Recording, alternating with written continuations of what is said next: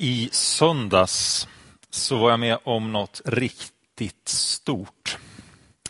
Jag tror inte riktigt att jag hade fattat hur mycket jag har saknat det och hur djupt den där längtan satt i mig att få vara med om det och hur stort jag skulle uppfatta och tycka att det var när jag väl var med om det.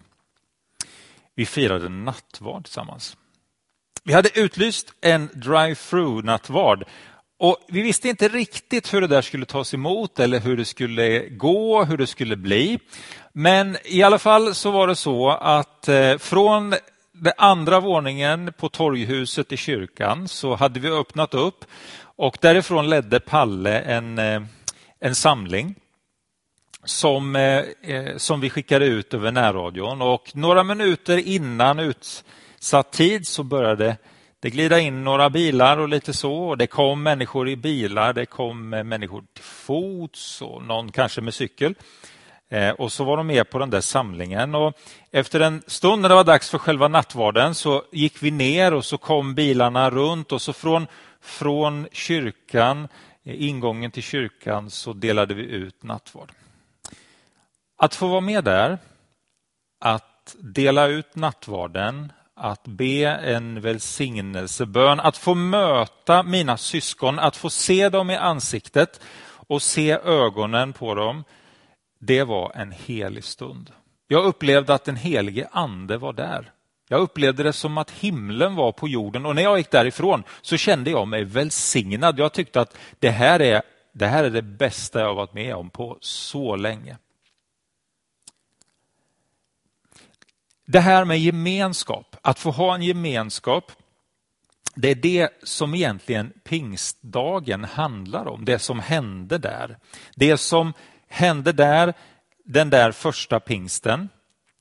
Jesus han hade lovat att han skulle sända en annan hjälpare. När han inte längre kunde vara hos sina lärjungar så hade han lovat dem att ni ska få en annan hjälpare, en som ska hjälpa er att förstå saker och ting och en som ska hjälpa er att kunna komma samman. Jag ska läsa ifrån Apostlagärningarna, det andra kapitlet och från vers 1. Där står det så här. När pingstdagen kom var de alla församlade. Då hördes plötsligt från himlen ett dån som av en stormvind och det fyllde hela huset där de satt. De såg hur tungor som av eld fördelade sig och stannade på var och en av dem. Alla fylldes av helig ande och började tala andra tungomål med de ord som anden ingav dem. Jag har med mig en liten eh, chokladask idag. Eh, det står här på vad den innehåller. 30 praliner med nougatfyllning står det. Och om man vänder här så kan man läsa hur mycket gott som finns här inne. Kolhydrater i mängd och andra saker. Ehm, och Man kan ta reda på vad som finns i den här asken. Man kan också ta reda på när man ska äta den och när man bör låta bli att äta den. Det går att få en hel del med information utifrån den här asken. Men det är så här med den här asken och med det kristna livet att ehm, det finns en viss parallell. Du, vet, du kan lära dig väldigt mycket om den kristna tron. Du kan lära dig att Jesus dog och uppstod, att det är det centrala i den kristna tron. Du kan lära dig att Guds ord, Bibeln, det är, det är Guds ord och den läser vi. Du kan gå till kyrkan, du kan vara med i en gemenskap, du kan fira nattvard. Du kan vara med i en, och lära dig en liturgi i en församling, hur det går till. och du kan, du kan lära dig väldigt många olika saker som är själva paketet, själva asken. Och, och De här sakerna de är inte oväsentliga, inte alls. De är faktiskt ganska viktiga att veta om. Men det är en skillnad mellan att titta på en ask och veta vad som finns i den och att öppna asken och ta ut det som finns där och faktiskt äta av det.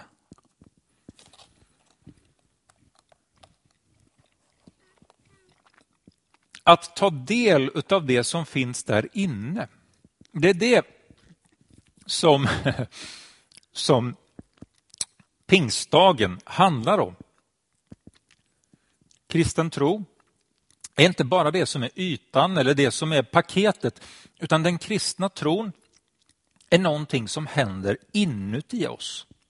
Någonting som öppnas upp i oss. Det handlar om livet och gemenskapen. Det handlar om den dolda skatten som är gömd där inne och som man får när man tar emot Jesus.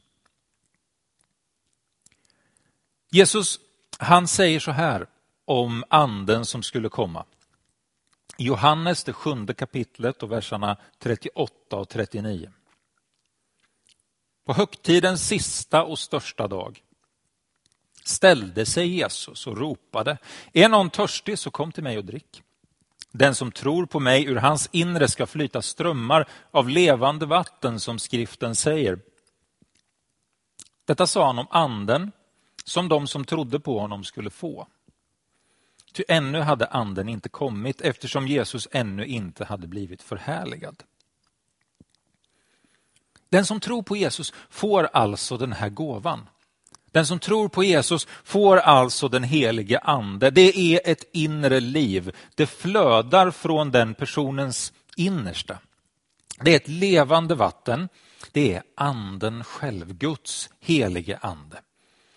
Och har man inte upptäckt det här inre livet, ja då har man gått miste om det som är det verkliga livet. I varje människa som tror på Jesus så finns anden. Varje människa som tror på Jesus, där har det skett. Man kan inte vara kristen utan att ha del av den heliga anden. Nej, när man säger ja till Jesus, då föds man på nytt. Det kan man läsa om i Johannes evangeliet, det tredje kapitlet, när Jesus möter Nikodemus. Så berättar Jesus för Nikodemus att du måste födas på nytt. Alltså, det är en andlig födelse, någonting som sker på insidan. Och det är när man säger sitt ja till Jesus som det innersta öppnas upp för den helige ande och för den helige andes dimensioner. Det är som att en helt ny värld öppnar sig i ditt och mitt liv. Det är då som du går från att titta på ett skal till att ta del av vad det handlar om. Till att du förstår att allt det där som finns i Guds löften, det är till för dig. Gud har gett det till dig. Det finns uppdukat där och det är så många olika saker. Frälsningen, det är en innerlig gemenskap med Gud. Det är andedop, det är tungotal, det är andeuppfyllelse. Det är att du börjar vandra i anden. Det är att Gud talar till dig genom anden, att han viskar saker till dig och vill visa dig saker som du inte visste om. Det är hur han öppnar stängda dörrar inom dig och så börjar det här levande vattnet som finns där inne, det börjar liksom sippra fram och till sist så inte bara sipprar det utan det flödar fram. För det är ett liv som du har fått ta del av. Livet med den helige ande och i den helige ande, det är ett spännande liv. Låt mig berätta om en sak som eh, jag var med om här nu i veckan som gick. Jag hade fått en, eh, ett uppdrag, eller jag hade en sak jag skulle göra. Och Den här saken jag skulle göra, eh, det hade tagit lite längre tid. Jag hade försökt vid något tillfälle tidigare. Jag skulle besöka några stycken, men det hade inte riktigt lyckats. Det hade inte blivit av, så att säga. Men så i alla fall, så en dag nu i veckan så blev det en möjlighet. Och så kom jag hem till de här personerna och så började vi ett samtal. Och så berättar de för mig att ja, men Niklas, det är, så, det, är så, det är så märkligt för att idag så var vi med om en sak och då när vi var med om det så sa vi att vi skulle vilja att, att, att eh, prata med Niklas och så skulle vi vilja, skulle vi vilja be tillsammans. Eh, vi, vi, vi, känner ett behov av, vi, vi undrar vad, vad, ska vi göra med den här saken och, och vad vill Gud med det här och nu, nu skulle vi behöva be. Och sen, sen ringer du och säger att, eh, att du vill komma. Och för mig blev det där en sån tydlig bild på hur den helige ande leder oss. Ibland leder oss den helige ande utan att vi ens vet om det. Jag var inte inställd på det. Jag tänkte inte att nu, nu är det nog så att nu är det dags. Men, men den helige ande och Gud hade förberett det där. Hade satt ett stopp vid några tillfällen så att det inte blev av. Och sen, just den där dagen när det behövdes, när det var dags, när det var i rätt tid, då löste det sig. Då kom jag dit och så fick jag bli till välsignelse. Och jag fick bli välsignad av att jag förstod att den helige ande fanns med i den där situationen och brydde sig om den här situationen. Brydde sig om de här människorna. Ville gott. Och så är det Gud bryr sig om din situation. Gud vill vara med dig i allting och den helige ande vill leda dig in i situationer till människor och hjälpa dig så att du hamnar rätt. Den helige ande vill öppna rum som du trodde var stängda. Vill öppna till ett nytt och heligt och stort liv i, i samvaro med Gud själv. Kristen tro, det handlar inte bara om att läsa på en ask, utan det handlar om att den helige ande, det som finns där i, livet som finns där i, det kan vara någonting som får pulsera i dig som du kan få ge vidare. Och det är inte alltid som du vet när det sker. Men den helige ande är där och gör någonting. Ska vi be tillsammans? Be om att vi får vara fyllda av helig ande. Be om att det som vi har fått av anden, att det ska få bli till välsignelse för andra. Och om det är så att du är i en situation där du känner att att du behöver Gud, kom ihåg, han har inte glömt bort dig. Han kommer ihåg dig, han vill dig väl och han vill hjälpa dig i din situation. Han hör dig, han vet om din situation. Nu ber vi tillsammans. Herre, tack för pingstdagen. Herre, tack för vad det får betyda. Tack för att vi har fått ta emot dig i våra liv och tro på dig. Tack för den gåvan. Tack för att det innebär att vi har fått ta del av din heliga Ande. Och Herre, vi ber om att våra hjärtan ska få vara fyllda av dig, Herre.